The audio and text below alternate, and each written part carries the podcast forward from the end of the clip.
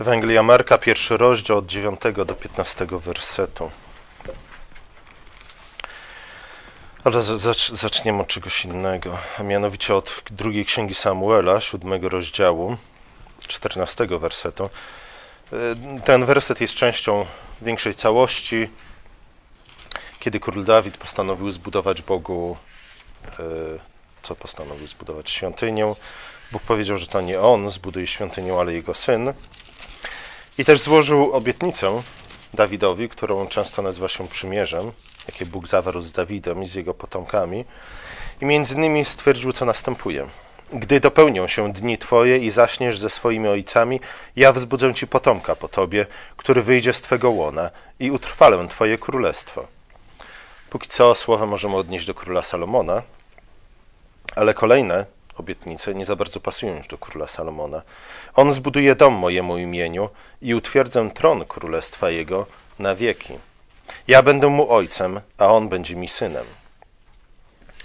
Dom, o którym tutaj mowa, to oczywiście świątynia i, taką zbudował król Salomon, ale nie do końca. E, Królestwo Salomona nie zostało utwierdzone na wieki ze względu na odstępstwo Salomona. Jak pamiętamy, Królestwo Salomona zostało podzielone na, na dwa królestwa po jego śmierci ze względu na arogancję jego syna, ze względu na to, iż e, choć Salomon napisał wiele ksiąg na temat tego, jak należy wychować królewiczów, którzy w przyszłości mają stać się królami, niestety nie zbyt dobrze chyba wychował swojego syna, który odziedziczył po nim tron. Syn stwierdził, że jeśli jego ojciec gnębił swój lud podatkami, on wsławi się tym, że będzie gnębił swój lud jeszcze bardziej. Doszło do powstania, rewolucji, wojny domowej i królestwo się podzieliło.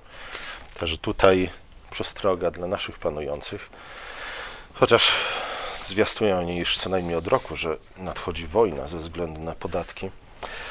E, I tak było. W każdym razie królestwo Salomona nie trwało wiecznie. Królestwo Salomona bardzo szybko się posypało.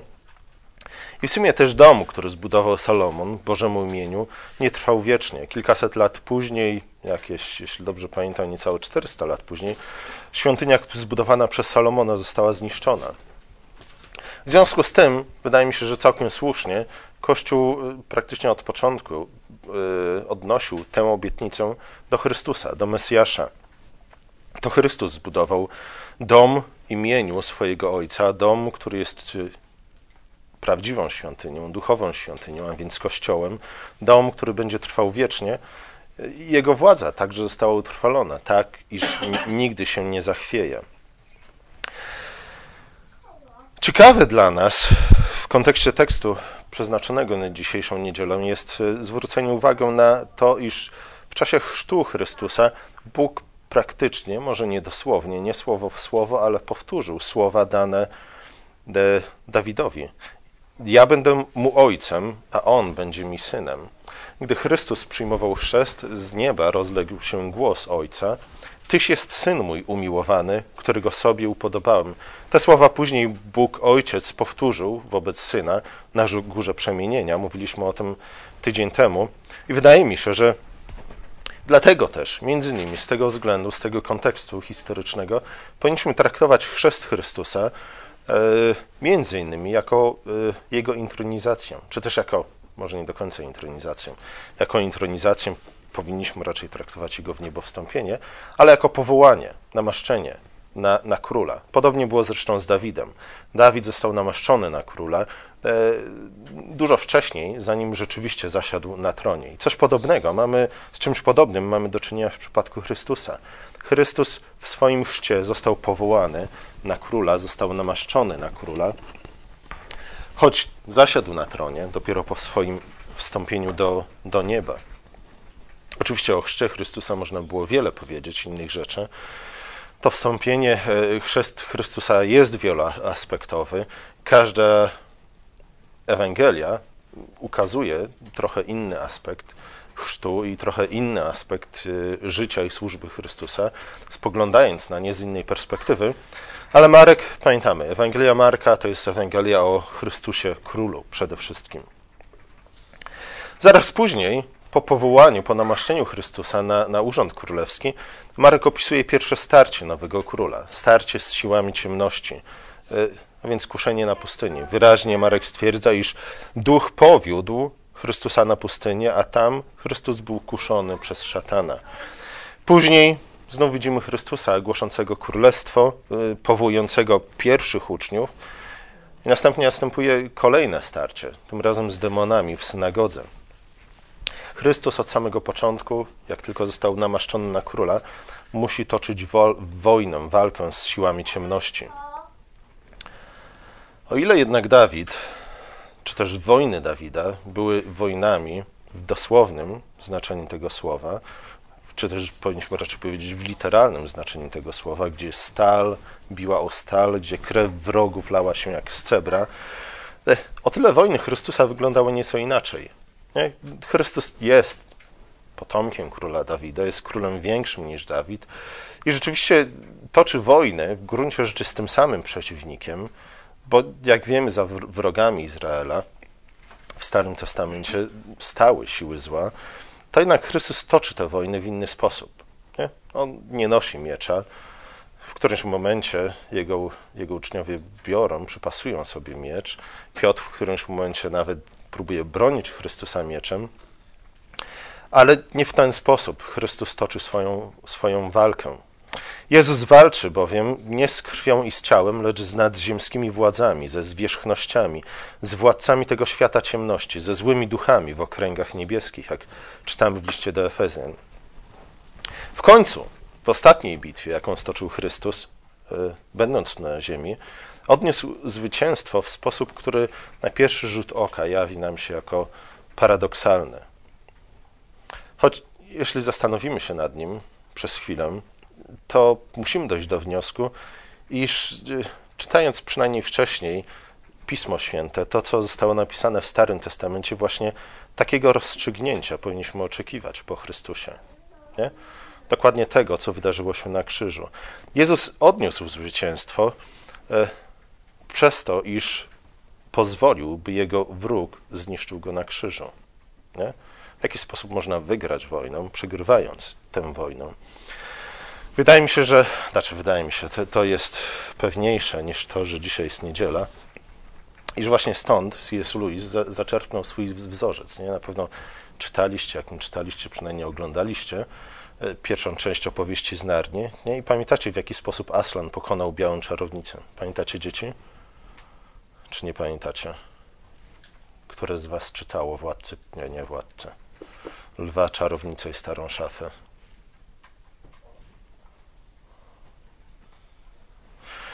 Jak nie czytaliście, przeczytajcie. Zobaczcie, Biała Czarownica uznała to, co Biała Czarownica uznała za swój triumf, mając Aslana za naiwnego głupca, okazało się jej klęską. Nie, nie tylko nie zdobyła Narni, ale nawet nie zachowała władzy nad Edmundem.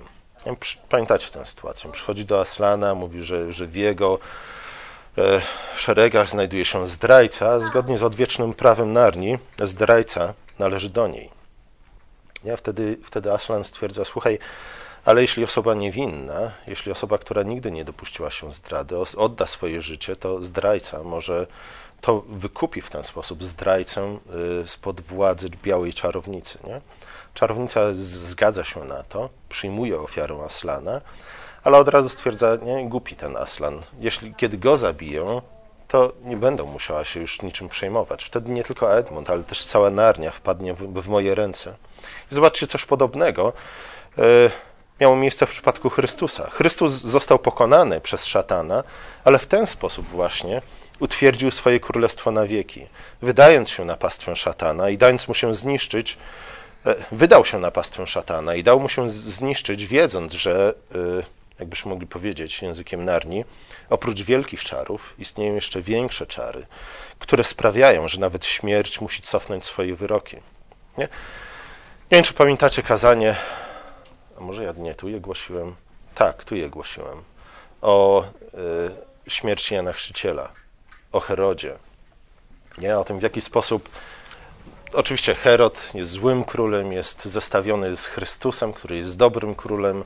Herod urządza y, przyjęcie urodzinowe, na którym główną potrawą jest co? Jest głowa Jana Chrzciciela. Nie? I to jest obrazem tego, jakim królem jest Herod. Herod żeruje na, na tych, za których powinien oddać swoje życie. Chrystus jest dobrym królem ze względu na to, iż nie tylko karmi swój lud, ale przede wszystkim dlatego, że jako dobry król oddał swoje życie za swój lud. Nie? I my teraz, jako jego lud, karmimy się. Moglibyśmy powiedzieć w pewnym sensie, żerujemy na Chrystusie. Nie. Ale widzicie, właśnie to, iż Jan pozwolił się pojmać, właśnie to, iż Jan e, przyłączył się do, do, tej, e, do tego przyjęcia Herodowego, nie jako jeden z gości, ale jako, jako główna potrawa, oznaczało e, początek końca Heroda. Nie? Wtedy, gdy źli ludzie żerują na dobrych ludziach, wtedy, gdy tyrani niszczą tych, którzy są niewinni i sprawiedliwi, to jest początek ich końca. To jest sposób, w jaki nie tylko Chrystus pokonał szatana, ale też sposób, w jaki my możemy pokonać złych ludzi i przede wszystkim pokonać zło w tym świecie.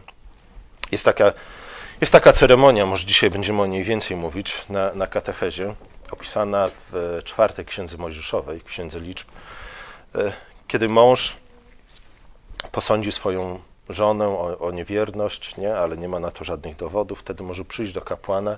Kapłan sporządzi specjalną miksturę, tak zwaną e, wodę zdrady, czy też wodę testu, różnie to jest tłumaczone, i kobieta ma wypić tę wodę. Jeśli, jeśli jest niewinna, będzie błogosławiona, ale jeśli jest, jest, jeśli jest winna, e, wtedy stanie się kobietą bezpłodną na wieki. E, w pewnym sensie tak jest, gdy ludzie źli, gdy ludzie nikczemni niszczą tych, którzy są pobożni, którzy są dobrzy, którzy są sprawiedliwi. E, jesteśmy dla nich jak ta woda zdrady, woda testu, gdy, gdy pochłaniają nas, gdy pożerają nas, ze względu na to, że niesłusznie oskarżają nas o wszelkie złe rzeczy, e, ta woda sprawi, iż ich życie stanie się całkowicie bezpłodne, bezowocne, stracą swoją życiową siłę i w końcu umrą. Coś podobnego wydarzyło się na krzyżu, nie tylko na, na kamiennym stole, ale też na krzyżu. Chrystus wydając się, poz, pozwalając, by szatan pokonał go, by zniszczył go całkowicie, zniszczył władzę szatana. Można by wiele o tym mówić i myślę, że wiele jeszcze o tym będziemy mówić w ciągu najbliższych tygodni, właśnie ze względu na to, że mamy okres pasyjny.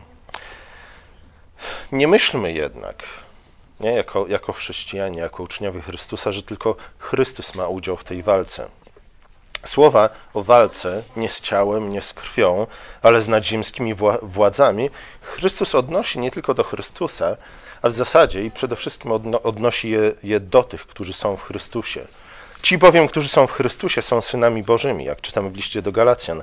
Albowiem wszyscy jesteście synami Bożymi przez wiarę w Jezusa Chrystusa. I teraz, słuchajcie uważnie, bo wszyscy, którzy zostaliście w Chrystusie ochrzczeni, przyoblekliście się w Chrystusa. Nie? Ciekawe jest to, iż, iż, Paweł, iż Paweł, mówiąc o usynowieniu, czy też wskazując na moment, w którym zostaliśmy przynajmniej oficjalnie usynowieni, wskazuje na, na chrzest. Dokładnie tak, jak miało to miejsce w przypadku chrztu Jezusa. To właśnie w czasie chrztu Jezusa ojciec oznajmił, że Jezus jest jego umiłowanym synem. Czy to znaczy, że wcześniej nie był jego umiłowanym synem? No, oczywiście, że nie, nie. Chrystus od początku, od wieczności jest synem swojego ojca. Niemniej jednak chrzest był szczególnym momentem, nie? w którym ojciec oficjalnie ogłosił go swoim umiłowanym synem. I wydaje mi się, że, między innymi ze względu na to Paweł może, może powiązać także nasz chrzest z naszym usynowieniem przez, przez Ojca. E, w czasie naszego chrztu nie rozległ się głos z nieba, tak jak w czasie chrztu Chrystusa, to jednak, jak powiada Pismo, także my zostaliśmy oficjalnie przyjęci w poczet dzieci Bożych. Co więcej, jako synowie Boży królujemy wraz z Chrystusem. Nie? I także to Paweł stwierdza, między innymi w liście do Efezjan. Chrzest nasz jest zatem także powołaniem na królewski urząd, a przynajmniej namaszczeniem na królewski urząd. Chrzest jest także zapowiedzią, jest czymś więcej niż. Nie. Chrzest jest czymś więcej niż tylko powołaniem nas na królewski urząd. Chrzest jest też zapowiedzią rzeczy przyszłych. E, duch, który wstępując na Jezusa w rzece Jordan, namaścił go do spełnienia zadania, do którego został powołany, e, wypełnił to zadanie przez wzbudzenie Chrystusa z martwych. Nie wiem, czy zwróciliście uwagę kiedyś na to, iż, iż bardzo często w listach apostolskich zmartwychwstanie jest wiązane właśnie z usynowieniem, czy też z synostwem Bożego Syna. I tak na przykład w, zaraz na początku listu do Rzymian Paweł stwierdza, iż Jezus poprzez ducha został ustanowiony Synem Bożym przez zmartwychwstanie. Nie? Zmartwychwstanie było, było dopełnieniem tego, co wydarzyło się w czasie chrztu. Chrzest był powołaniem, namaszczeniem Chrystusa na urząd. E, zmartwychwstanie było dopełnieniem tej obietnicy. W zmartwychwstaniu wypełniło się to, co Bóg obiecał w chrzcie. Kilka rozdziałów później z kolei Paweł stwierdza, iż my zostaliśmy ustanowieni synami i córkami Boga, kiedy Duch wzbudził nas do nowego życia. Ja, więc znów mamy nie tylko w przypadku Chrystusa, ale także w naszym przypadku powiązanie królowania, usynowienia, królowania z chrztem, ale także ze zmartwychwstaniem. Oczywiście jest mowa tutaj o pierwszym, o duchowym zmartwychwstaniu. Kiedyś byliśmy martwi w naszych grzechach. Bóg przez Słowo, swoją łaską wzbudził nas do nowego życia. Ale właśnie z tym wzbudzeniem nas do nowego życia Paweł wiąże nasze, usano, nasze usynowienie. Chrzest jest zatem znakiem i pieczęcią e, naszego synostwa, które wiąże się z naszym królowaniem, dlatego że w jakiś sposób antycypuje, jak to można prościej powiedzieć, jest inne słowo. Co? Wyprzedza, uprzedza to, co w pełni otrzymamy w dniu zmartwychwstania. Nie? I rzeczywiście gdy zmartwychwstaniemy w naszych ciałach, nie? wszystkie obietnice się dopełnią, które Bóg nam dał. Niemniej jednak chciałbym zwrócić uwagę na to, iż chrzest, wzbudzenie nas do nowego życia w Chrystusie, duchowe zmartwychwstanie, wiąże się nie tylko z naszym usynowieniem, ale także z powołaniem nas na urząd królewski.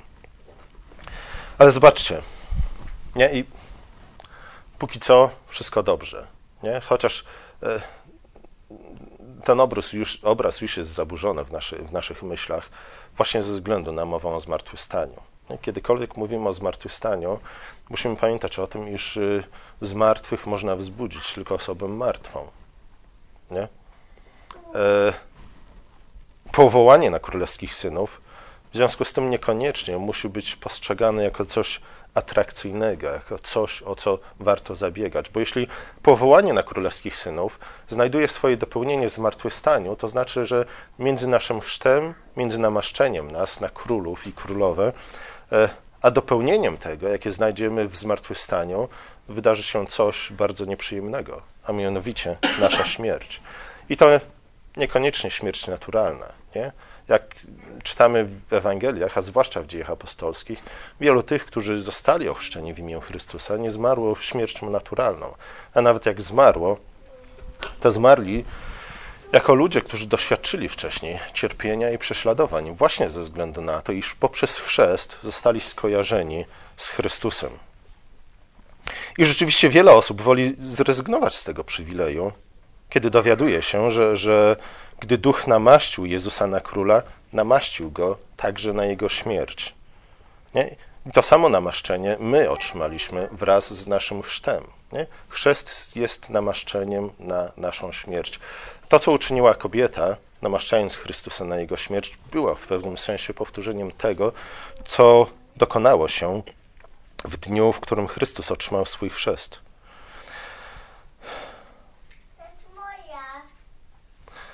My zwykle chcemy być królami. Właśnie dlatego, iż liczymy, że korona uchroni nas od krzyża. Nie? Chcemy być królami właśnie dlatego, iż liczymy, iż królowanie, władza, jaką otrzymamy, uchroni nas od wszelkich złych następstw życia na, na ziemi. Nie? Po to zabiegamy o władzę, po to zabiegamy o bogactwo. Nie po to, aby służyć, ale po to, aby nam służono. Po to, aby uniknąć za wszelką cenę krzyża. Władza jednak, nie? Która jest rozwiedziona od krzyża, władza, która ma uchronić nas od krzyża, wydaje się być władzą, która jest też rozwiedziona od odpowiedzialności. Jest władzą, która prędzej czy później, tak jak władza Heroda, wyrodzi się w tyranium. Kiedy więc Paweł pisał o usynowieniu nas przez Boga w duchu, w którym wołamy Abba Ojcze, zaraz potem dodał: Sam duch wspiera swym świadectwem naszego ducha, że jesteśmy dziećmi Bożymi. Nie? A więc znów jest mowa o usynowieniu naszym. Jeśli zaś jesteśmy dziećmi, to i dziedzicami. dziedzicami tak jak Chrystus, dziedzicami Boga, a współdziedzicami Chrystusa, a więc mamy udział w losie Chrystusa. I tu właśnie następują te słowa, które bardzo chętnie byśmy wykreślili z naszej Biblii. Skoro wspólnie z Nim cierpimy, po to, aby też wspólnie mieć udział w chwale. Nie? Bardzo często powtarzamy to, ale wydaje się, że to jest kluczowa rzecz, zwłaszcza teraz, w czasie pasyjnym, byśmy pamiętali o tym, iż droga do chwały prowadzi przez cierpienie. List do Hebrajczyków mówi o tym, iż droga do dojrzałości, także w przypadku Chrystusa, prowadziło, prowadziła przez cierpienie. E, jeśli ktoś nie chce wziąć na siebie swojego krzyża i naśladować Chrystusa, też nigdy nie będzie miał udziału w królowaniu Chrystusowym. E, I bardzo dobrze, nie? I całe szczęście dla nas i dla reszty stworzenia, ze względu na to, że ludzie, którzy nie chcą mieć udziału w cierpieniach Chrystusowych, nie powinni mieć udziału w Jego chwale. Ludzie, którzy nie są gotowi brać na siebie swojego krzyża i naśladować Chrystusa, nie powinni nigdy mieć, dzierżyć żadnej władzy w swoich rękach. Nie? Dlatego, że tacy ludzie e, prędzej czy później upodabniają się w coraz większym stopniu do Heroda. Później Jezus wielokrotnie będzie mówił o swoim krzyżu, tak jak my wielokrotnie też będziemy mówić krzy o krzyżu w ciągu najbliższych pięciu, sześciu tygodni. Ale zobaczcie, aż do jego śmierci, w zasadzie aż do jego zmartwychwstania, aż do spotkania ze zmartwychwstałym Chrystusem, jego uczniowie nie rozumieli albo nie chcieli przyjąć słów o krzyżu. Nie chcieli przyjąć do wiadomości tego, iż władza bez krzyża, czy też korona bez krzyża, władza bez cierpienia, władza bez odpowiedzialności jest czymś złym, z czym Chrystus przyszedł, aby walczyć. W ich wyobrażeniu o koronie i o królowaniu nie było miejsca na krzyż i cierpienie. Chcieli być królami, chcieli, chcieli nosić koronę po to, aby uniknąć krzyża i cierpienia. E, tacy ludzie jednak znów są powodem wszelkiej niedoli i wszelkiego zła, z jakim mamy do czynienia na ziemi. Pamiętamy, po upadku, gdy Bóg wygonił, wypędził Adama i Ewę z, z ogrodu po to, aby nie mieli dostępu do, do drzewa życia, pamiętamy, co się wydarzyło. Nie? Kain był zły, jego potomkowie byli jeszcze gorsi. Niby przez jakiś czas byli też potomkowie e, Seta, dobrzy, pobożni ludzie, ale po jeśli dobrze pamiętam, siedmiu pokoleniach e, ostał się tylko jeden, jedyny pobożny człowiek, Noe. Nie? Ludzie, którzy w swoim myśleniu o królowaniu całkowicie zanegowali potrzebę krzyża i cierpienia, potrzebę jakiegokolwiek poświęcenia czy też służby, napełnili świat złem i wszelką nikczemnością. Nie? Także Bogu nie pozostało nic innego, jak tylko zniszczyć ten świat. Chrystus Bóg później obiecał, że nigdy więcej czegoś takiego nie uczyni, nie? ale między innymi właśnie dlatego przyszedł Chrystus, nie? dlatego, żeby zniszczyć, złamać nasze stare sposoby myślenia na temat władzy, na temat przywilejów królewskich, nie tylko ukazując nam właściwy przykład, właściwy schemat postępowania, ale też uzdarniając nas, namaszczając nas, wyposażając nas przez swojego ducha w to, co potrzebujemy, abyśmy stali się dobrymi królami, takimi, jakim On jest. Pomódmy się. Nasz drogi łaskawy Ojcze, dziękujemy Ci za, za Twojego Syna Jezusa Chrystusa, dziękujemy Ci za Jego przykład, dziękujemy Ci za Jego śmierć, dziękujemy Ci za Jego królowanie. Prosimy Cię o to, abyśmy, będąc Twoimi synami, y, wezwani do tego, abyśmy mieli udział w królowaniu Twojego Syna Jezusa Chrystusa, byli w Nim, byli do Niego we wszystkim podobni. Prosimy Cię o to, abyśmy byli królami, którzy są gotowi wziąć na siebie odpowiedzialność, cierpienie i, i, i hańbę związaną z koroną, a nie tylko wszelkiego rodzaju przywileje. Prosimy Cię, Ojcze, o to, abyśmy w naszym królowaniu szukali przede wszystkim e, sposobności do, do służenia, służenia innym, służenia bliźnim, przede wszystkim służenia Tobie, a nie okazji do tego, aby zmuszać innych do wykonywania naszych rozkazów. Prosimy Cię o to w imieniu Twojego Syna. Amen.